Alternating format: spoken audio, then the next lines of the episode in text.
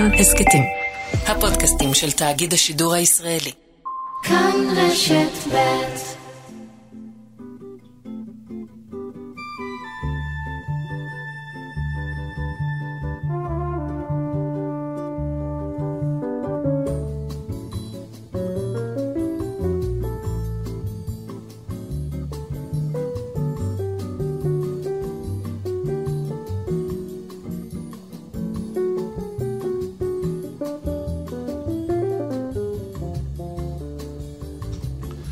שלום רב לכם, המאזינות והמאזינים. תודה רבה ששבתם אלינו או הצטרפתם אלינו אל התוכנית, מפיקה ועורכת משנה כתמיד מאיה טלמון עזרזר, על הביצוע הטכני אמיר שמואלי, אני אורן נהרי.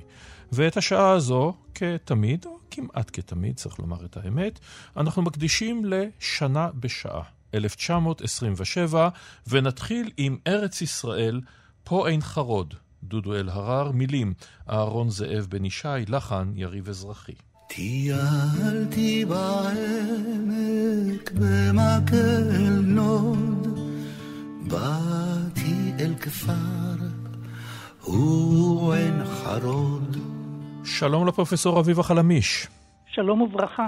היסטוריונית מהאוניברסיטה הפתוחה, חוקרת תולדות הציונות, היישוב, מדינת ישראל, כולל תולדות התנועה הקיבוצית, מחברת הביוגרפיה של מאיר יערי, מנהיג השומר הצעיר, אז ב-1927 נוסדים גם תנועת הקיבוץ הארצי, גם תנועת הקיבוץ המאוחד, הקיבוץ הארצי, השומר הצעיר, קיבוצ... הקיבוצים כבר היו קודם, כמובן בראשם בית אלפא, הקיבוץ המאוחד עין חרוד.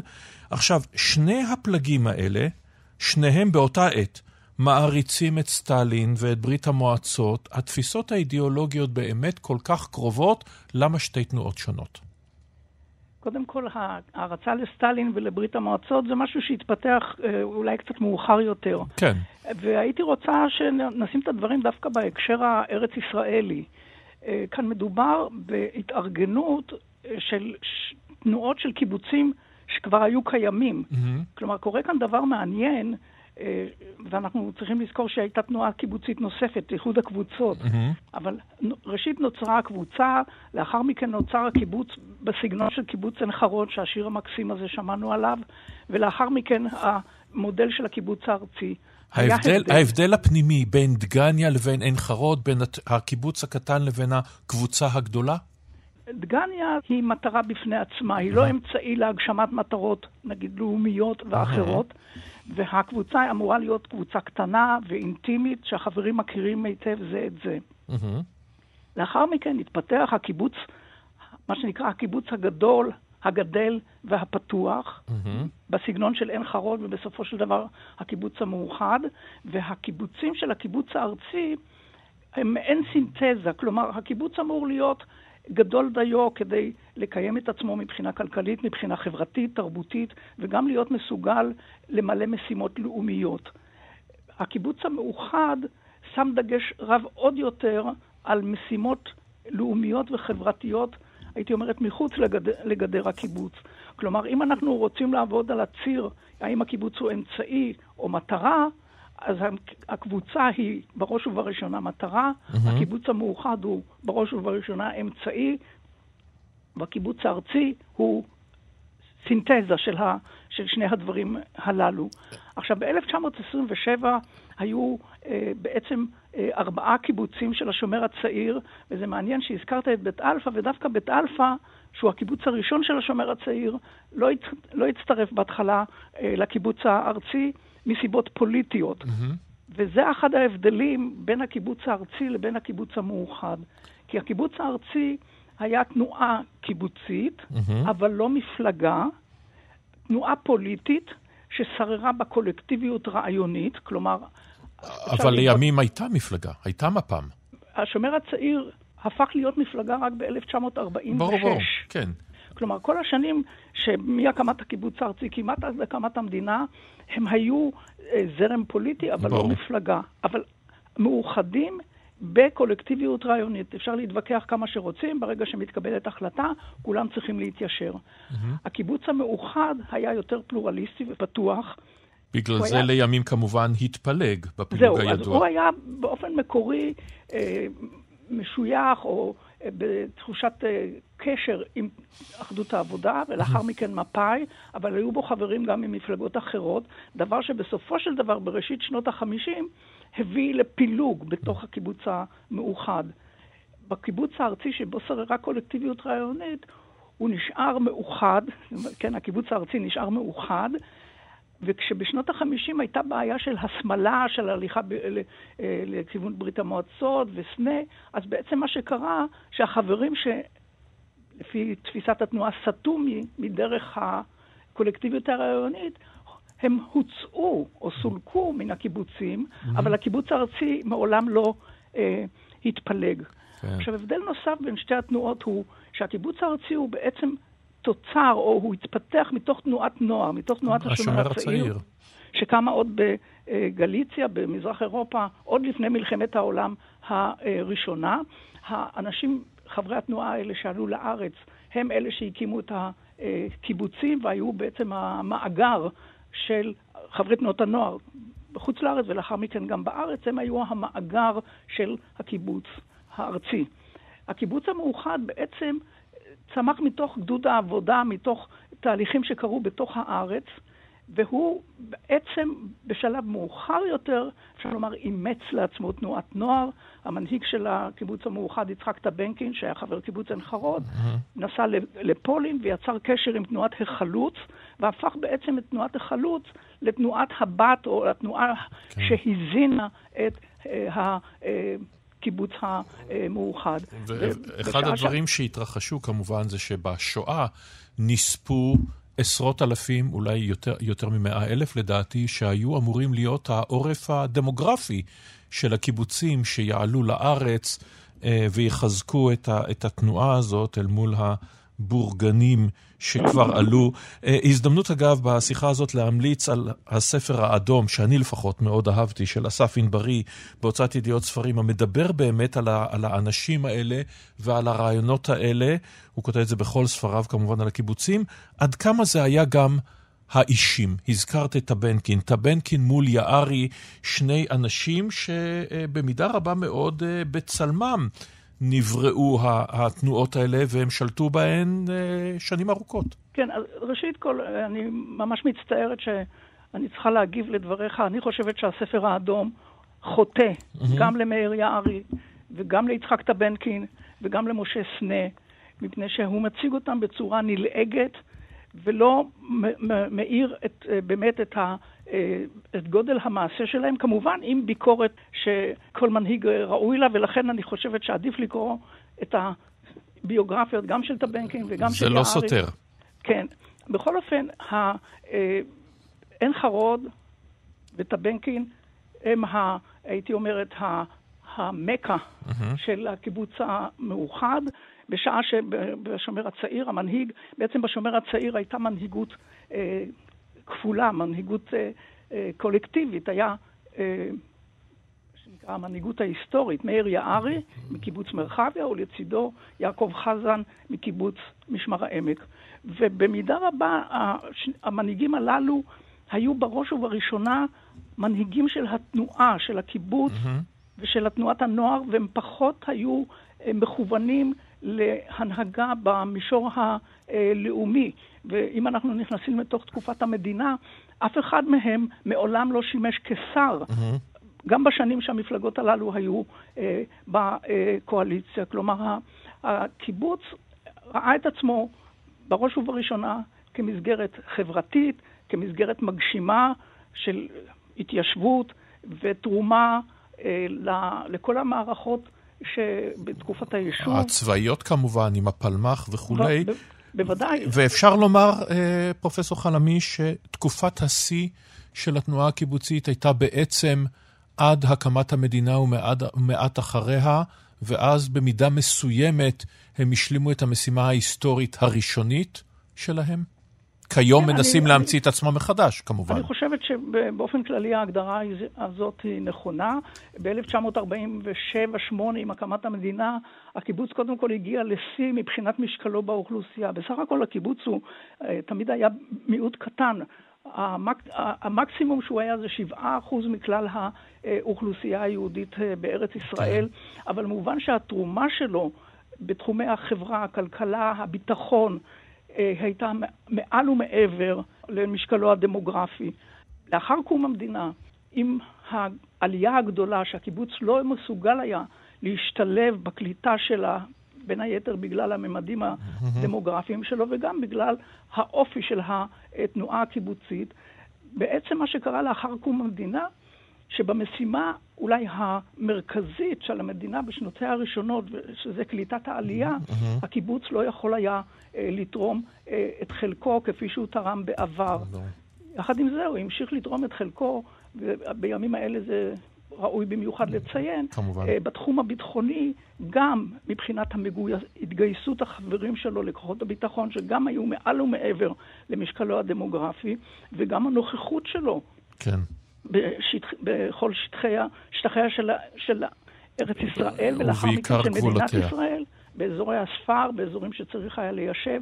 כלומר, יש כאן אה, איזשהו שינוי כן. בתפקידים של הקיבוץ, אבל אם יורשה לומר, ברוח הדברים האלה, כל התהליכים שעברו על הקיבוצים בשנים האחרונות, תהליכי ההפרטה וכן הלאה, זה יהיה נושא... אני חושבת שמי שהספיד את הקיבוץ עשה את זה מוקדם מדי. תודה רבה לך על הדברים האלה, הפרופסור אביבה חלמיש. תודה לך. ומכאן לארצות הברית, לאחד המשפטים הידועים בהיסטוריה האמריקנית, משפט שהדבר האחרון שניתן לומר עליו זה שזה היה משפט צדק. ג'ון באז.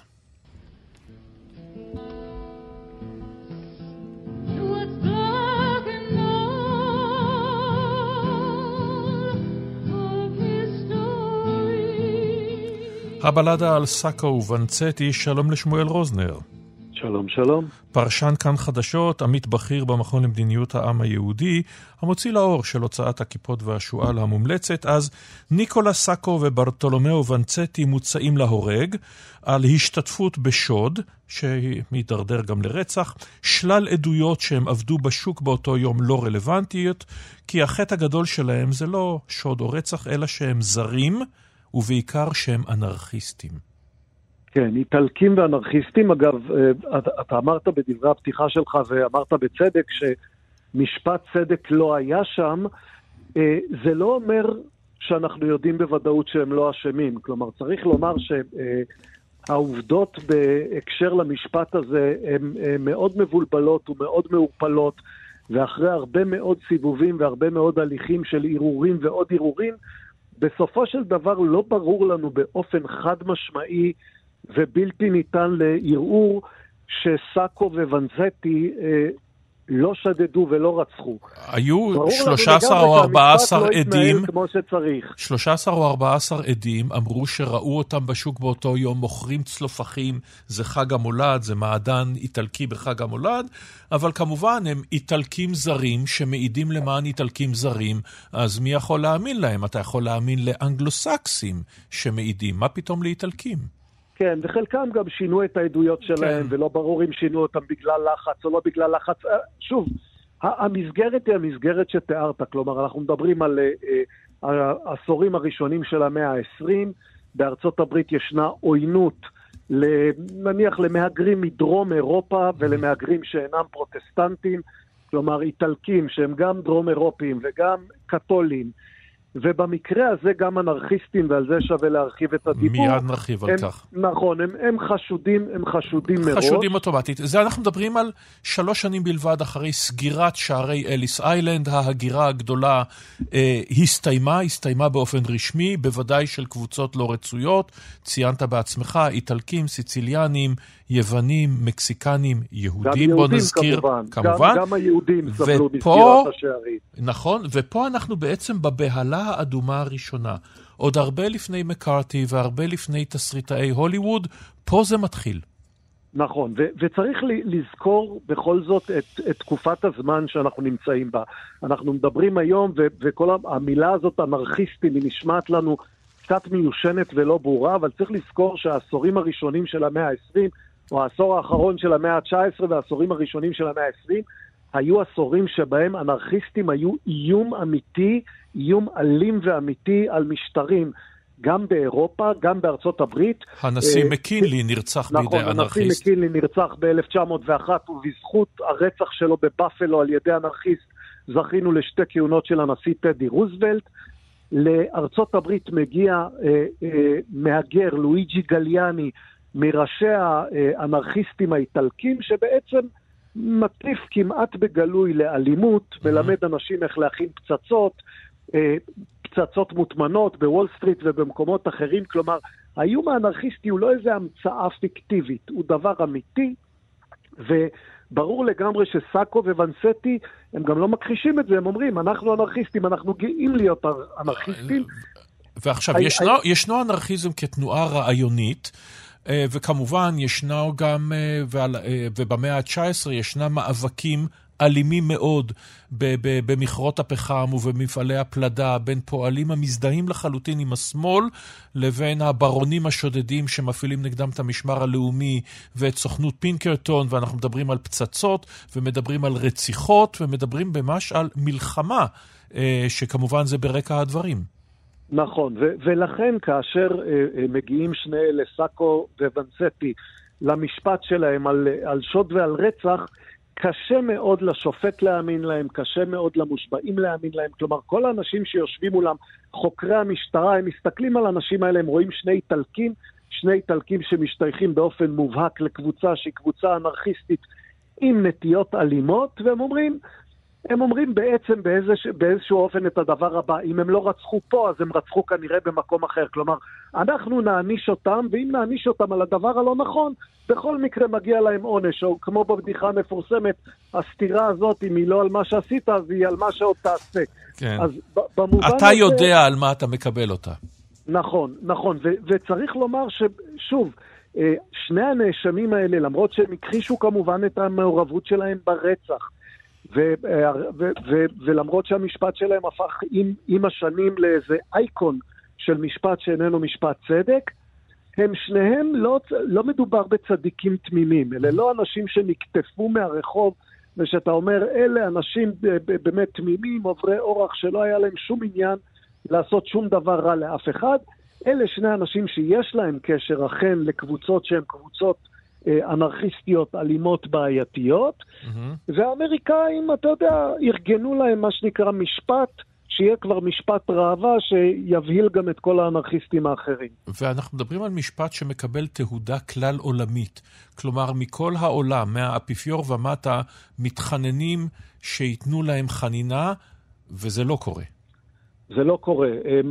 מתחננים מנהיגים, מתחננים אישי ציבור, מתחננים אה, סופרים ואנשי רוח, כולל אה, אלברט איינשטיין אה, בזמנו. Mm-hmm. יש הפגנות למען שני, שני הנאשמים האלה בכל העולם, בכמה, בכמה שלבים במשפט. כלומר, יש, יש את המשפט, ואז גזר דינם נגזר למוות, ואז יש ערעור, והערעור נדחה, ובכל אחד מהשלבים האלה אנחנו רואים כל מיני עצומות, הפגנות, מחאות בכל העולם, ובסופו של דבר, בסופו של דבר כל הערעורים נדחים. ושניהם מוצאים להורג, וכמו שאמרנו, נשארים כסוג של אייקון תרבותי בהיסטוריה האמריקאית, כדגם כן.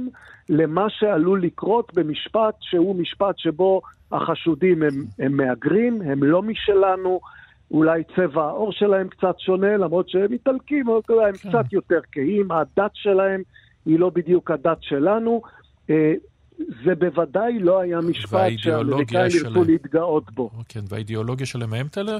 ונוסיף, אחת מהערות השוליים המרתקות, זה שהחל מסע נקמה כנגד מי שהיו מעורבים במשפט. כשהשופט, אחרי ניסיון לפוצץ את ביתו, עבר לגור במועדון שלו עד סוף ימיו, נדמה לי שחיסלו את יושב ראש חבר המושבעים ועוד אחרים. תודה רבה לך על הדברים האלה, שמואל רוזנר. יום טוב להתראות.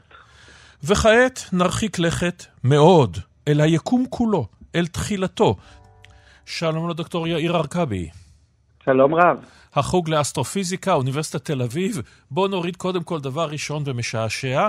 המפץ הגדול שכולנו מכירים אותו, בעצם הכינוי הזה ניתן על ידי פרד הויל שהתנגד לתיאוריית המפץ הגדול וכתב כדי להלעיג אותה, כשהמפץ הגדול זה, איך נאמר ב understatement, זה בעצם כינוי אה, סלנג ל... לסקס.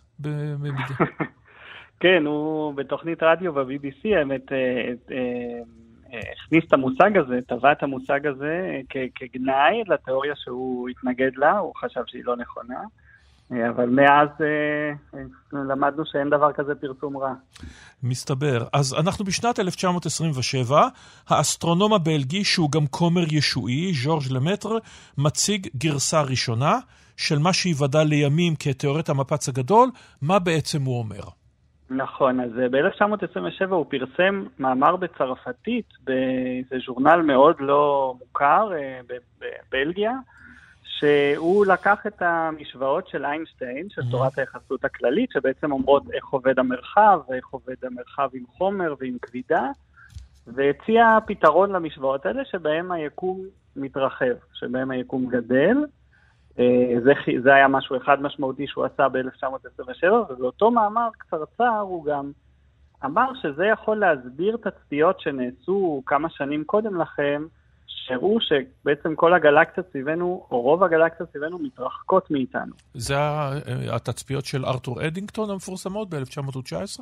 לא, לא, ארתור אדינגטון אושש את התיאוריה של איינשטיין, okay. אוקיי. תצפיות על ליקוי חמה, mm-hmm. שהראות שהאור, שהכבידה מעקמת את המרחב. מעקמת את האור, כן. כן, כן, אבל אחרי זה היו מדידות של בעצם מהירות התרחקות של גלקסיות מאיתנו, mm-hmm. ונמצא שכמעט כולן מתרחקות מאיתנו. אה, שזה היה נראה קצת מוזר. אה, בשלב הזה כבר יודעים שיש יותר מגלקסיה אחת, שביל החלב? אז זה עדיין היה בדיון, כי עדיין לא ידעו אם, קראו להם ערפיליות, mm-hmm. לא ידעו אם הם חלק מהגלקסיה שלנו, או אם הם גלקסיות נפרדות בפני עצמן, זה, זה התבהר אחר כך במיוחד על ידי האבל, mm-hmm. שהצליח למדוד בצורה מדויקת את המרחקים לאותן ערפיליות, ולהבין שאלה בעצם גלקסיות שלמות בפני עצמן. מיד נגיע אליו. עכשיו, בעצם, למטרה, לכאורה יש פה איזו סתירה מסוימת, הוא כומר ישועי, הוא, הוא אדם מאמין, קתולי, הכל, והוא אסטרופיזיקאי, אבל בעצם אפשר לבוא ולטעון, בעיני אנשים מאמינים, שמה שהוא אומר, זה בעצם ויהי אור. ויאמר אלוהים ויהי אור, ויהי אור. בריאת היקום נכון. בשבריר שנייה. נכון, ו- ואני לא... כנראה שהיו אנשים אז כבר שהיו סקפטיים מהרעיון שלו, שאמרו, טוב, הוא כומר, הוא מחפש לאלץ את חוקי הטבע והפיזיקה, להתאים לאיזושהי תמונת בריאה שהוא צריך מתוקף האמונה שלו. אה, אבל הוא כמובן אמר שהוא לא מערבב בין הפיזיקה לבין האמונה שלו, ואלה שני דברים שונים, והחישובים שהוא עשה הם היו נכונים, אפילו איינשטיין אמר, החישובים שלך נכונים, אני פשוט לא אוהב את הרעיון הזה. אה, למה איינשטיין בעצם לא אהב את הרעיון הזה? אה, טוב, זה צריך לשאול אותו. היו הרבה רעיונות שהתבררו כן, שהוא לא אהב. ואיינשטיין לא אהב, אז, אז לא תמיד הוא צדק. כן, ברור. אבל, אה, אבל אחרי שלמטר פרסם את זה, אה, האבל בעצם מדד בצורה יותר מדויקת את המרחק לאותן, היום אנחנו יודעים, גלקסיות, mm-hmm. ואושש את החוק שלמטר הציע לראשונה שנתיים לפניו. Mm-hmm. ואז ברגע שהיו את הנתונים שמראים שזה נכון, אז איינשטיין מיד התייצב לצד התיאוריה ומיד נתן לה הצדקה ואמר שהיא נכונה. כלומר, לא משנה מה הוא אהב או לא אהב, הנתונים... העובדות מכריחות אותך ללכת בנתיב מסוים. אז כמו שציינת, ב-1929, האסטרונום האמריקני אדווין האבל מוכיח שהיקום מתפשט, כן, התרחקות הגלקסיות. מכאן שאם עושים הינדוס לאחור, אז הייתה לו התחלה אה, מדויקת, ככל שניתן ללמוד, גם בזמן. וגם, אה, וגם במרחב. כן, למעשה זה לא רק שהן מתרחקות, מה שלמטרי הציע והאבל אושש עם התצפיות המדויקות יותר שלו, זה שגלקסיות שנמצאות פי שניים יותר רחוק מאיתנו היום, מתרחקות מאיתנו פי שניים יותר מהר. Mm-hmm. וככה לכל יחס שתרצה, וזה אומר שאם לוחצים rewind, אם מריצים את זה אחורה, mm-hmm. מי שיותר רחוק נע יותר מהר, ולכן הכל חוזר ונפגש בדיוק באותו זמן באותה נקודה. והמודל היום הוא קצת שונה מהמודל של למטרה, מי שהוסיף לו את השינוי המשמעותי, אה, לפי מה שאני קראתי, אתה תתקן אותי אם אני טועה, זה אלן גוט, שעשה את המודל של עוגת הצימוקים? אה, יש פה בעצם, כן, יש פה, היה צריך לעשות איזשהו תיקון למודל, אה, שעד היום אנחנו קצת נאבקים להבין אותו, אבל הוא נדרש.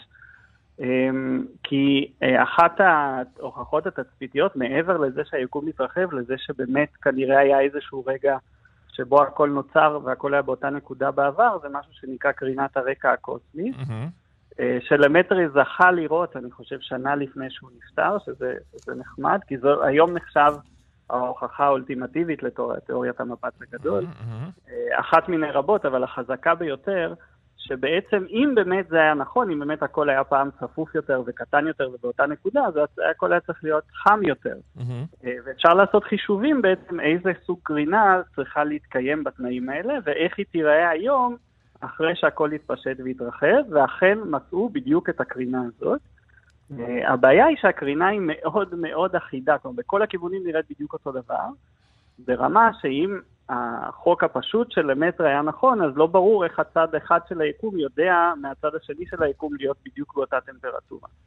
אה, ולכן מה שהוסיפו לתיאוריה זה איזה שלב מאוד ראשוני שקוראים לו אינפלציה, mm-hmm. שבו היקום היה צריך להתפשט מאוד מאוד מהר, ואז אה, להאט לקצב ש, ש, של המטר אמר, כדי להסביר איך זה שהחלקים רחוקים מהיקום היו פעם מקושרים אחד לשני. ויש גם תוספות, כאילו זה לא היה מספיק מסובך עד כה, אה, תוספות של חומר אפל ושל אנרגיה אפלה, כדי להסביר פרדוקסים מתמטיים. אה, נכון, אלה, זה בעצם להסביר תצפיות. אלה שני, שתי התעלומות הגדולות ביותר אולי בפיזיקה היום. אה, אנחנו רואים שיש יותר כבידה, מצד אחד יותר כבידה ביקום מאשר אנחנו יכולים להסביר על ידי החומר שאנחנו רואים, כן, מה שיוצר כבידה זה חומר, אבל אנחנו רואים פי חמישה יותר כבידה מחומר, mm-hmm. אז אנחנו קוראים לחומר שיוצר את הכבידה הזו, שאנחנו לא רואים את החומר אבל כן רואים את הכבידה, קוראים לו חומר אפל. אמ, זה בערך רוב מה שאנחנו יודעים עליו. אמ, אבל עוד יותר מסתורי מזה, זה שעם כל הכבידה הזאת, היקום, לא רק שהוא לא מאט את ההתפשטות שלו, כי כבידה אמורה להאט את ההתרחבות mm-hmm. הזאת, הוא מאיץ את ההתפשטות שלו. זה משהו שהתגלה בסוף שנות ה-90, אה, שהיקום בעצם מתפשט יותר ויותר מהר עם הזמן, אפילו שהכבידה נמצאת שם, אפילו שהחומר האפל נמצא שם ומנסה להאט את הכל. יש משהו שמנצח אפילו את זה, ופועל נגד כוח הכבידה, וגורם ליקום להתפשט יותר ויותר מהר, ועל זה אנחנו לא יודעים כמעט כלום, ואנחנו קוראים לזה אנרגיה אפלה, בעיקר כדרך uh, לתת שם לבורות שלנו על מה זה הדבר. אבל בגדול, מבחינת uh, תיאוריה בסיסית, יסודית של האסטרופיזיקה, תיאוריית המפץ הגדול ניצחה את התיאוריה של המצב הקיים שפרד הויל uh, תמך בה. או נכון. היא, היא בעצם התיאוריה המקובלת על הכל. כן, באופן מוחץ. כלומר, גם העובדה שהיקום מתפשט, גם אותה קרינת רקע קוסמית, גם הכמות מכל יסוד שיש היום ביקום מוסברת על ידי העובדה שפעם הכל היה חם יותר וצפוף יותר.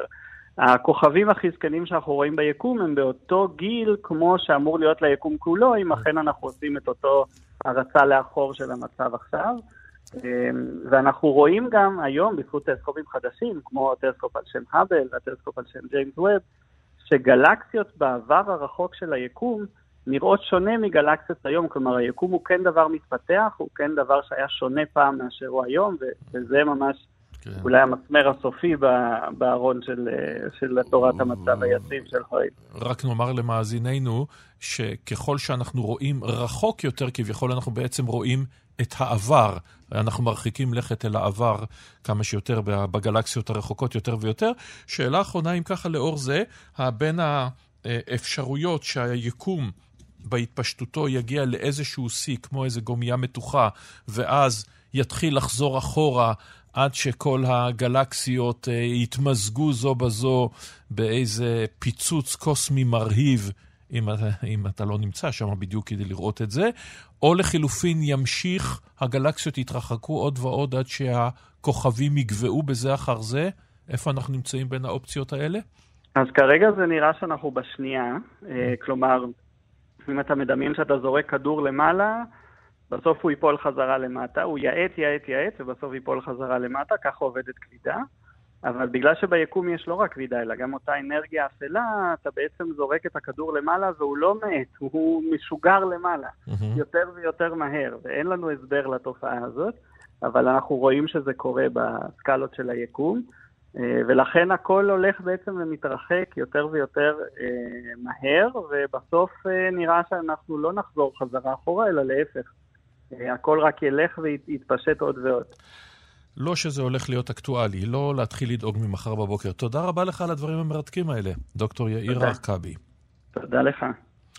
1927 יצא לאור שיר, לא נשמע אותו בגרסה של 1927, אלא בגרסה היותר מאוחרת, ואם יורשה לי, היותר יפה, של אלוויס פרסלי, Are You Lonesome Tonight? Are you lonesome tonight? Do you miss me tonight? Are you sorry we drifted apart? בתחום הקולנוע, שני סרטים חשובים מאוד מבחינה היסטורית יצאו בשנת 1927. בהוליווד פריצת דרך טכנולוגית במידה רבה, הסרט המדבר. זמר הג'אז, אל ג'ולסון בעצם משחק את עצמו, בן הרב שעבר לשואו ביזנס. האחים וורנר כתבו את הקופה, היו הראשונים, וכל הוליווד עוברת רעידת אדמה, קריירות נקטעות באבחה, תועד בשלל סרטים, כמובן, כמו שיר השיר בגשם, ובבילון וכן, ג'ולסון היהודי מופיע בבלק פייס, מביש, לא נתפס כמביש אז. וסרט נוסף וחשוב מאוד, באירופה. שלום לדודו ויצטום. שלום שלום. לשעבר עורך חדשות החוץ בערוץ אחד, שליח הרשות בגרמניה, וכיום חוקר היסטוריה ותרבות גרמנית, מטרופוליס פריץ לנג. סרט עם כל כך הרבה רבדים, מייצג תקופה, מייצג תקופה עתידית. קודם כל, מה, מה יש בו? מה העלילה? או, זו בדיוק השאלה שרציתי להימנע ממנה, משום שהעלילה היא כל כך מסובכת. יש בה הכל, הכל. זה רומן שיש בו באמת אה, אישה שהופכת לרובוט, מדען מטורף, סיפור אהבה בין שני רבדים, עיר עליונה ועיר תחתונה, עיר פועלים ועיר מנהלים, אה, פשוט אה, בלי סוף, בלי סוף רבדים, שגם למעשה חלקם נשמטו מגרסאות של הסרט, כאשר הסרט הזה יצא מגרמניה לחוץ לארץ, כי האורך שלו היה בערך 153 דקות, אני אומר בערך, כי אז מדדו לפי אורך הפילם, uh-huh. הפיט של הפילם, כמובן. אה, ולכן באמת באמריקה למשל, אה, חתכו חלק גדול מהסרט, משום שמופיע שם סיפור על מישהו שנקרא הל. עכשיו, הל בגרמנית זה בהיר. אבל הל באנגלית כמובן זה בדיוק ההפך. אז ככה שאחד מהדברים, ובאמת הרבה מאוד חיתוכים נעשו, אה, חיפשו גרסאות אה, מלאות של הסרט עד, עד השנים האחרונות, בסופו של דבר הצליחו לשחזר אה, ולהרכיב את הסרט מחדש. עכשיו, אנחנו ראינו מאז ועד היום כל כך הרבה סרטים אה, עתידניים, מדע בדיוני, שבו יש בדיוק את אותו מוטיב, נגיד אליסיום עם מט דיימון ובלי, וזרדוז עם שון קונרי ורבים אחרים, של עולם עתידני, בדרך כלל פוסט-אפוקליפטי, שבו יש את אלה שהסתגרו בתוך העיר הזוהרת, ומצד שני יש את, ה, את, ה, את העבדים שלהם, שאין להתערב בין אלה ובין אלה, אבל פה זה מופיע אולי בפעם הראשונה. גם מופיע בפעם הראשונה, וגם למעשה לא מדובר באוטופיה, אלא מדובר בדיסטופיה. מדובר. בעתיד מופשט, עתיד מיסטי, כוחני, מגי, שמשולב במיתולוגיות מהעבר הרחוק, אגדות, יחד עם אקספרסיוניזם, עם ארט דקו רגשית, וניסיון בסופו של דבר להגיע לאיזשהו סדר נכון בין ה... הידיים המפעילות את המכונה של העיר הענקית הזאת לבין הראש, ומי שמתווך אותן זה כמובן זו כוחה של הערבה, שהיא בדמותה של מריה, mm-hmm. שהופכת במהלך... כמובן אין צורך לומר שם. וחוזרת, וחוזרת חזרה אה, ומתווכת את הסיום. וכמובן מריה אין צורך לומר שם עם כל כך הרבה רבדים או, של כן. משמעות. כן. בוודאי. פריץ לנג, כמה מילים על האיש הזה. ובכן, אה, הוא יהודי מצד אביו, אבל לא חי ולא הרגיש כיהודי, mm-hmm. עד אה, כמובן עלייתם של הנאצים לשלטון, ואז בתחילה הייתה באמת, היה, היה שם סיפור מאוד מעניין, משום שגובלס, כל כך התלהב מהסרט יחד עם היטלר, שרצה למנות את פריץ לנג, החצי יהודי, לאחראי על כל תעשיית הקולנוע ברייך השלישי. זה היה ב-1934, ולנג הוזמן למשרד אה, של גובלס, ושמע את הדברים האלה, והחליט שבאותו ערב הוא אורז את המזוודה, נוסע ברכבת לצרפת ומשם הלאה לארצות הברית. הוא עשה כמה סרטים לפני כן בגרמניה, סרטים mm-hmm. שהיו אה, חצי בלשיים, חצי אה, אה, עתידניים, okay. כן. חצי אה, קשורים בעבר, כמו הניבלונגים למשל, אבל באמריקה הוא מצא את המקום שלו כאומן הפילם נואר יחד עם שחקנים ושחקניות בסרטי הרפתקאות, סרטי מתח וכדומה. כן, וכמובן חלק מההגירה הגדולה של כן. אומנים, בעיקר מגרמניה, בילי ויילדר ולוביץ' ורבים אחרים, שנמלטו מאירופה והפכו את הוליווד למה שהיא. אנחנו מדברים על גרמניה של תקופת ויימאר, ואתה הזכרת את האקספרסיוניזם, ואני זוכר את, את, את, את דיקס ואחרים. אנחנו זוכרים כמובן את הגרפיקה ואת הציורים, את גרמניה של אחרי מלחמת העולם הראשונה. כל הדברים האלה מאוד מאוד נוכחים ביצירה הזאת. הם מאוד נוכחים, והם נוכחים כסמל מרכזי שבו גם בספר מטרופוליס שכתבה אה, רעייתו של פריץ לנג, תאה פון הרבור, שהפכה נאצית אה, מסורה ונשארה בגרמניה כאשר פריץ לנג אה, עזב אותה, אה, גם ברומן הזה הגיבור, הגיבור הוא לא אדם mm-hmm. או אנשים, אלא הגיבורה בעצם זאת העיר. העיר כמו מנהטן טרנספר למשל של דוס פסוס, או כמו ברלין אלכסנדר פלאץ אה, של דבלין, ועוד, אה, וגם, או גם ציורים של ג'ורג' גרוס ואחרים שהזכרת, שהעיר עצמה, הקור שנושב מהעיר, המרירות שמייצג את העיר מול הטבע, מול האופטימיות, כל אלה מוצאים מקום ממש בולט במטרופול, במטרופוליס, mm-hmm. וגם הכביכול קתרזיס שנוצר בין מנהיג הפועלים לבין מנהל העיר, יחד עם הבן שמנסה לאחד ביניהם ומריה שמנסה לפייס, הוא למעשה חזון פשיסטי או פרוטו-פשיסטי. Okay. כלומר, הרעיון שלכל חלק בחברה אה, הוא, יש מקום משלו, כלומר החברה היא מין יצור אורגני שיש לה ידיים, יש לה ראש, ויש לה לב, והיא, וכל החלקים האלה צריכים להישאר במקומם. אין כאן עניין של בחירה חופשית אה, וכדומה, לא דמוקרטיה, אלא פשוט סופו של הסרט הוא אפילו יותר טוטליטרי מאשר תחילתו. וכמובן, כפי שאתה ציינת, ישנה גם התכתבות, אה, שהוא, שוב, הוא לא הראשון וגם לא האחרון, אנחנו רואים את זה אצל סופרי הפנטזיה, אצל טולקין ואחרים, איזשהו געגוע לעבר. אה, של הרומנטיקה הגרמנית, האנגלית ואחרות, עבר אה, אה, של יערות, של חורשות, של טבע, של אולי אלים קדומים אל מול העיר האפורה, המפויחת, המעשנת, שמתייחסת גם לקרבות המתועשים של כן. מלחמת העולם הראשונה. אבל דווקא במטרופוליס אין הרבה זכר באמת לטבע הזה שאתה מזכיר אותו, אלא יש יותר חזרה בכוח. באמצעות המכונה שהופכת להיות לפתע למין אליל כזה שתובע קורבנות אדם. כלומר, החזרה היא לא נהייה לחזרה לעבר, אלא באמת ציור של עתיד mm-hmm. שהוא עתיד נורא ואיום, אבל שבו האהבה מאפשרת לכל הצדדים להמשיך לחיות בצורה טוטליטרית. ולכן גבלס גם מאוד אהב את הסרט. אה, הוא אמר, כבר ב-1934 הוא אמר שכוח שמבוסס על רובים יכול להיות דבר טוב, אבל טוב יותר ומעודד יותר לזכות בליבם של האנשים ולהחזיק בו. זה קצת מזכיר לנו גם את 1984 של אורוול כמובן, כלומר מין דיסטופיה איומה שאין מוצא ממנו, לא לעבר ולא לעתיד.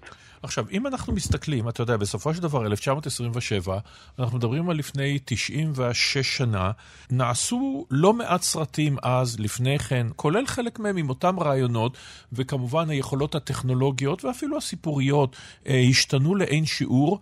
מדוע הסרט הזה שרד כסרט חשוב? כסרט שרואים אותו, כסרט שמתייחסים אליו, כסרט שלומדים ומלמדים אותו עד עצם היום הזה. האמת היא שהקבלת פנים שנערכה לסרט הזה הייתה מאוד מעורבת. היו כאלה שמחאו כפיים, במיוחד כאשר הם ראו את התפאורה המדהימה הזאת, אתה הזכרת את בלייד ראנר mm-hmm. ועוד קטעים אחרים, ההמצאות, פשוט ההמצאות הטכניות האלה, דבר שלא נראה בעבר. אז מחאו כפיים, אבל מצד שני, אנשים חשבו שמדובר במשהו טיפשי, למשל H.G. ווילס, שכתב אה, כתב, כתב גם הוא אה, אוטופיות. אה, ודיסטופיות, מלחמת העולמות וכולי. כן, כן, הוא ראה בסרט הזה באמת סרט טיפשי. יותר מאוחר, בשנים שאחרי המלחמה, יותר ויותר הבינו שמדובר כאן ביצירת מופת, כאשר גם הצליחו לשחזר את מלוא אורכו ומלוא עומקו של הסרט הזה, והרעיונות באמת המאוד מגוונים שמופיעים בו, כל הסיפור הזה של האישה שהופכת לרובוט וחוזרת חזרה, המלחמה הזאת שמתוארת בצורה מאוד מאוד גרפית, האישה הזאת כמובן זה מין סוג של פיגמליון. הפוך, כן? וגם למעשה המשחק בסרט, וכמו שאמרתי, התפאורה, mm-hmm. הקוריאוגרפיה, ששימשה אפילו את הפרסומת אה, בשנות ה-70 של חברת אפל, mm-hmm. אה, לתאר את העבדות שלנו מול מייקרוסופט, כן? Mm-hmm. כל הדבר הזה השפיע על התרבות בצורה מאוד עמוקה, אה, אה, גם על מוסיקה, גם על אה, ציורי, באמת החזון של העולם העתידי וכדומה. תודה רבה לך על הדברים האלה, מרתק כתמיד, דודו ויקסטון.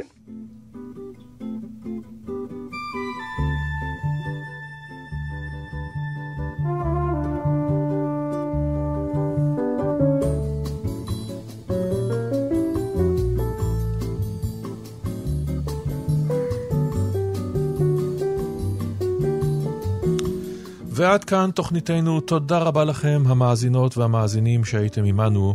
תודה רבה למאיה טלמון עזרזר, תודה רבה לאמיר שמואלי.